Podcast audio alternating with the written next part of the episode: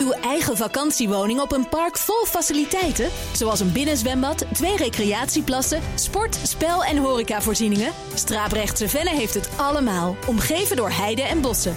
Lees meer op Brabantisprachtig.nl. Boardroom Panel. Het is de activistische aandeelhouder van Danone gelukt om de topman aan de kant te schuiven. En kredietbedrijf Greensill staat op omvallen. Hebben we dan helemaal niets geleerd van de financiële crisis in 2008? Dat en meer bespreek ik in het Boardroom Panel met Paul Koster, directeur van de VEB, de Vereniging Effectenbezitters. En AG Telleman, managing partner bij Twijnstra Gudde, ook voorzitter van de Sportraad in Amsterdam. Welkom, fijn dat jullie er allebei zijn. Uh, het is ook voor jullie natuurlijk de day after de verkiezingen. Hoe heb je ernaar gekeken, AG? Jij bent politiek actief geweest voor D66. Ja, ik vond het een hele spannende verkiezing. Uh, en ik, uh, ja, ik ben ook heel blij met de uitslag. Ik vind het heel mooi dat er een grote meerderheid is... voor een progressief-liberale as in het kabinet.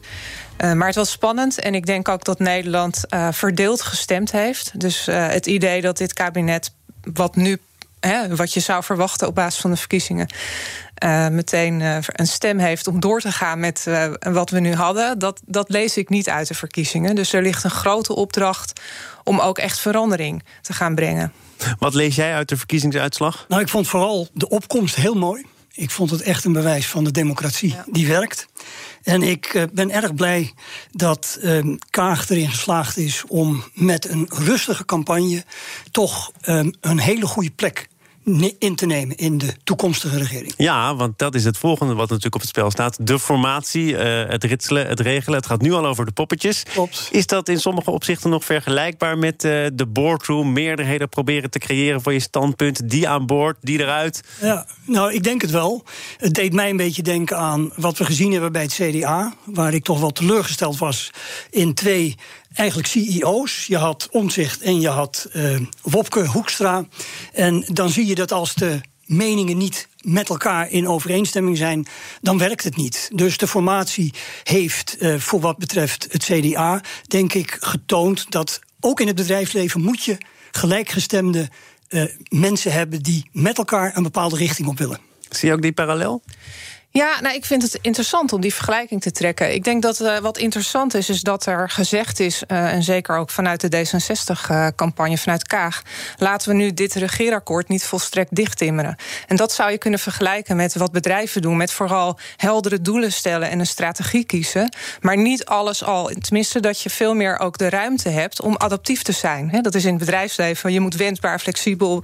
Terwijl met een heel dicht geregeld regeerakkoord, ja, kun je dat helemaal niet zijn. En ik denk dat dat heel belangrijk is. En dat je dus ook, als je kijkt naar het bedrijfsleven, waar Plan, Do, Check, Act veel meer gangbaar is, dat je ook het leren veel meer kan inbrengen. Want dat is in de politiek eigenlijk onmogelijk. Zodra je kwetsbaar bent en uh, fouten toegeeft, dan staat er iemand klaar in de Tweede Kamer om te roepen uh, dat je dan misschien moet aftreden. Uh, nou, ultimo is dat ook gezond in de democratie. Maar als dat te snel gebeurt, dan is er geen, ja, hoe je dat dan zegt, omgeving waar geleerd kan worden. Dus ik denk dat we nu gezien hebben met corona, maar ook met wat er mis is gegaan bij de Belastingdienst, dat dat onderweg leren en kunnen bijstellen en daar ook openlijk over kunnen praten, dat dat iets is wat je echt kan leren uit het bedrijfsleven. Een groot, ja, een groot verschil is voor mij wel. In het bedrijfsleven kun je niet heel lang eigenlijk niet de hoofdissues uh, bespreken. En dat had ik toch wel een beetje de indruk in deze campagne... dat we wel heel erg terugkeken naar wat er allemaal gebeurd was... en we ja. eigenlijk naar de toekomst moeten kijken. Ik, ik, wil met jullie naar het bedrijfsleven, want uh, politici worden afgerekend door de kiezer. Uh, bedrijven toch vaak door aandeelhouders. Kijk naar de situatie bij Danone, waar de bestuursvoorzitter is opgestapt. Hij was al niet meer de voorzitter van de Raad van Commissarissen. Allemaal onder druk van activistische aandeelhouders. Zat dit eraan te komen? Ja, ik denk dat uh, je heel goed moet kijken naar de performance van Danone. Danone had in 2016 de nieuwe CEO Faber die heel duidelijk een missie neerlegde. Dat werd ook omarmd, dat we keken naar een bredere uh, groep dan alleen de shareholder. Alleen de performance bleef achter. En je kunt uiteindelijk niet verwachten dat aandeelhouders blijven wachten op performanceverbetering. En er wordt nu ook wel gezegd dat hij zelf niet altijd even goed het bedrijf de richting opduwde die eigenlijk noodzakelijk ik, ik wil daar toch nog iets over vragen. Want uh, het aandeelhouderskapitalisme, daar moest ook bij de Danone mee worden afgerekend. Het ging over meer dan alleen maar winst. Het ging over impact op het milieu. Ze zijn een B Corp, dat is een soort belangrijk keurmerk voor bedrijven die een betere wereld voorstaan. In NRC stond hoe onsympathiek de Anglo-Saxische aandeelhouders ook mogen zijn. Ze vertellen ook een ongemakkelijke waarheid. Groen beleid wordt vaak toegejuicht totdat de betrokkenen de rekening in de bus krijgen.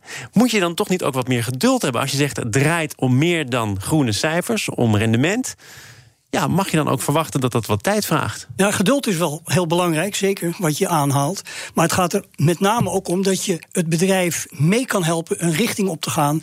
En kan laten zien dat dat ook werkt. Waarbij je, want dat vergeten we vaak in deze discussie over activisme. Een bedrijf moet ook geld verdienen zonder dat er geld verdiend wordt, kun je eigenlijk niks doen. En uiteindelijk was daar bij Danone na vijf jaar toch een punt bereikt dat men zegt: ja, op deze manier gaat het niet goed. Wordt er te makkelijk negatief gedaan over activistische beleggers? Staan die juist voor waar een bedrijf naartoe moet? Is het goed dat die op die manier scherp worden gehouden? Ja, ik vind het heel lastig om daar op basis van één of enkele casus uh, zo'n algemene uitspraak over te doen. Want ik denk altijd, wat is daar nou achter de schermen al, al, al waarschijnlijk een aantal jaren gaande? Kijk, uh, misschien is dit weer een leuke. Uh, terugkijken even vanuit het bedrijfsleven naar de politiek. Je moet ook aan uh, stakeholder management doen. En dus ergens moet je ook uh, zorgen dat.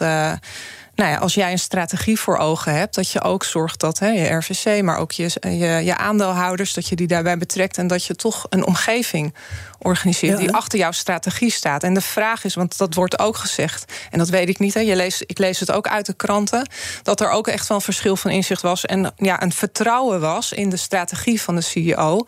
Ja, en dan uh, komt er op een gegeven moment ook een moment dat je misschien als CEO zelf moet aanvoelen of ja, wat, wat vinden de mensen daar direct omheen? Die kunnen ook denken, oh lekker makkelijk, dus de aandeelhouder haalt de, de, de kastanjes voor ons uit het vuur. Want er spelen natuurlijk meerdere belangen en die moet je toch bij elkaar zien te brengen. Ja, ik denk ook dat Faber nou niet bepaald bekend stond als een hele prettige CEO. En dat helpt natuurlijk ook niet dat hij uh, een sfeer creëerde in het bedrijf die niet altijd hielp om eigenlijk de richting die ze op wilden goed um, ook naar de buitenwereld dus het werd persoonlijk, het werd echt persoonlijk. Ja, het werd echt persoonlijk. Ja. ja. Um, als je kijkt naar uh, het uh, Nederlandse element in deze kwestie, dan is dat Jan Benning, berucht, befaamd, ook vorige week in dit panel besproken. Hij heeft bij Danone gewerkt. Hij heeft later een Numico aan verkocht. Werd daar zelf ook volgens mij een klein beetje wijzer van. Ja. 87 miljoen. Ja. Um, speelt hij een grote rol?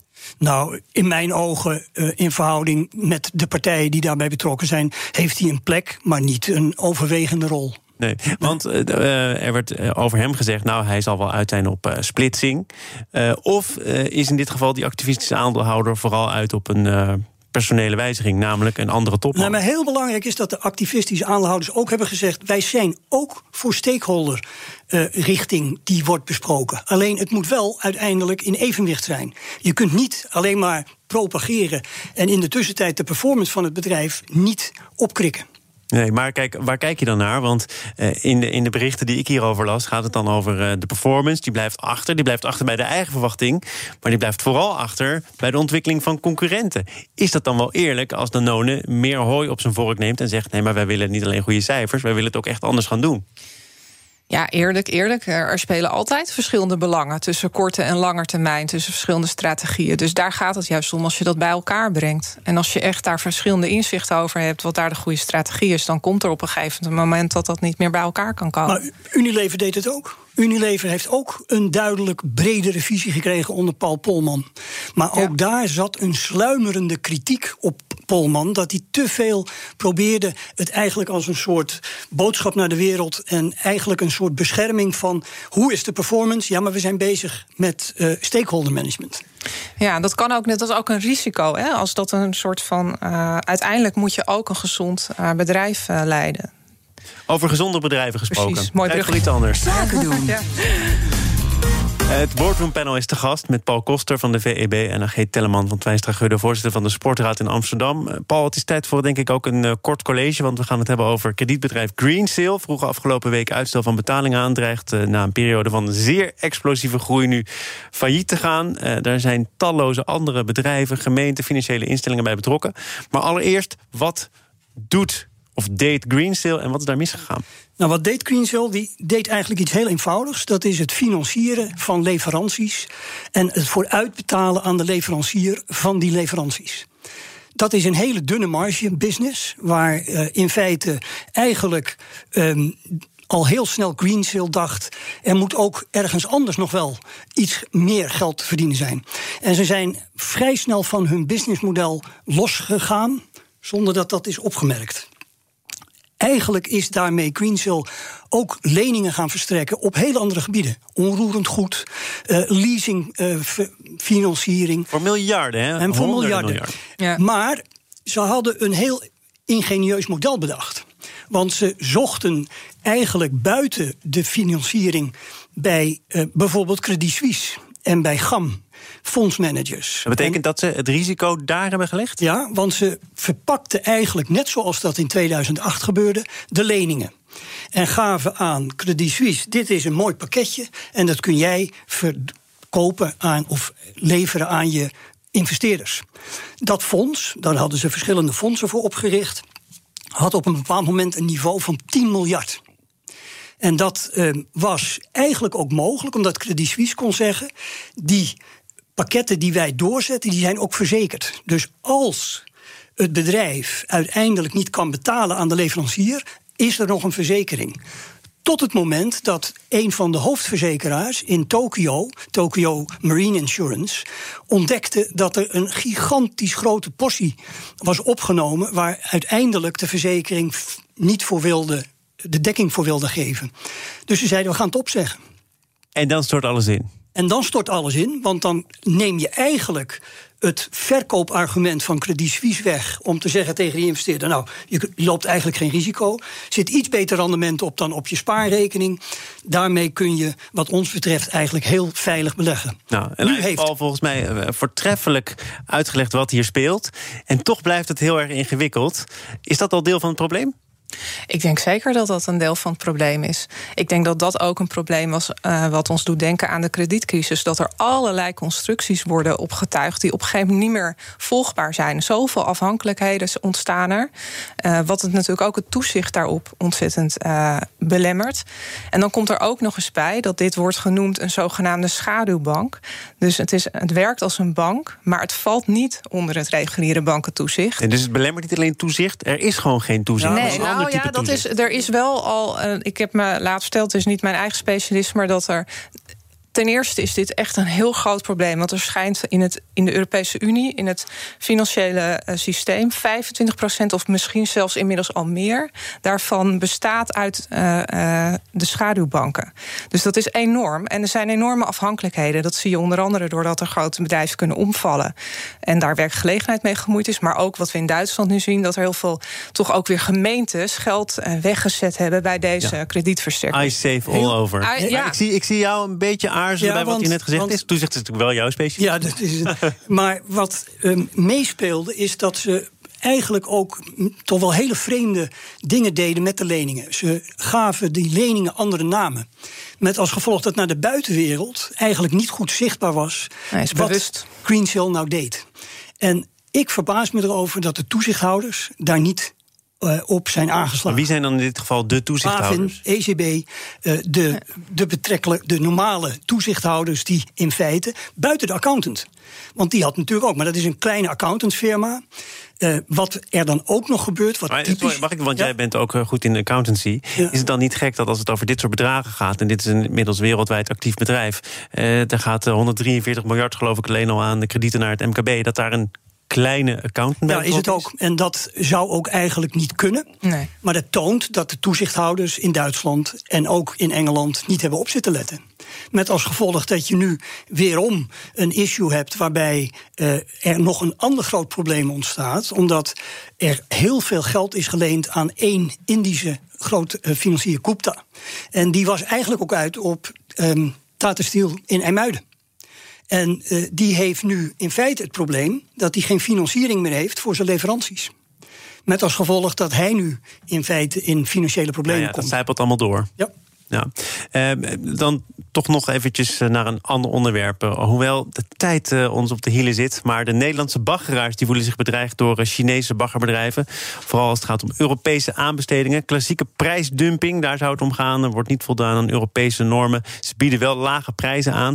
Dit zei baggeraar Pieter van Oort gisteren op BNR. Onze missie is tweeledig. Allereerst pleiten wij voor reciprociteit. Dus als de Chinese markt open gaat, gaat de Europese markt open.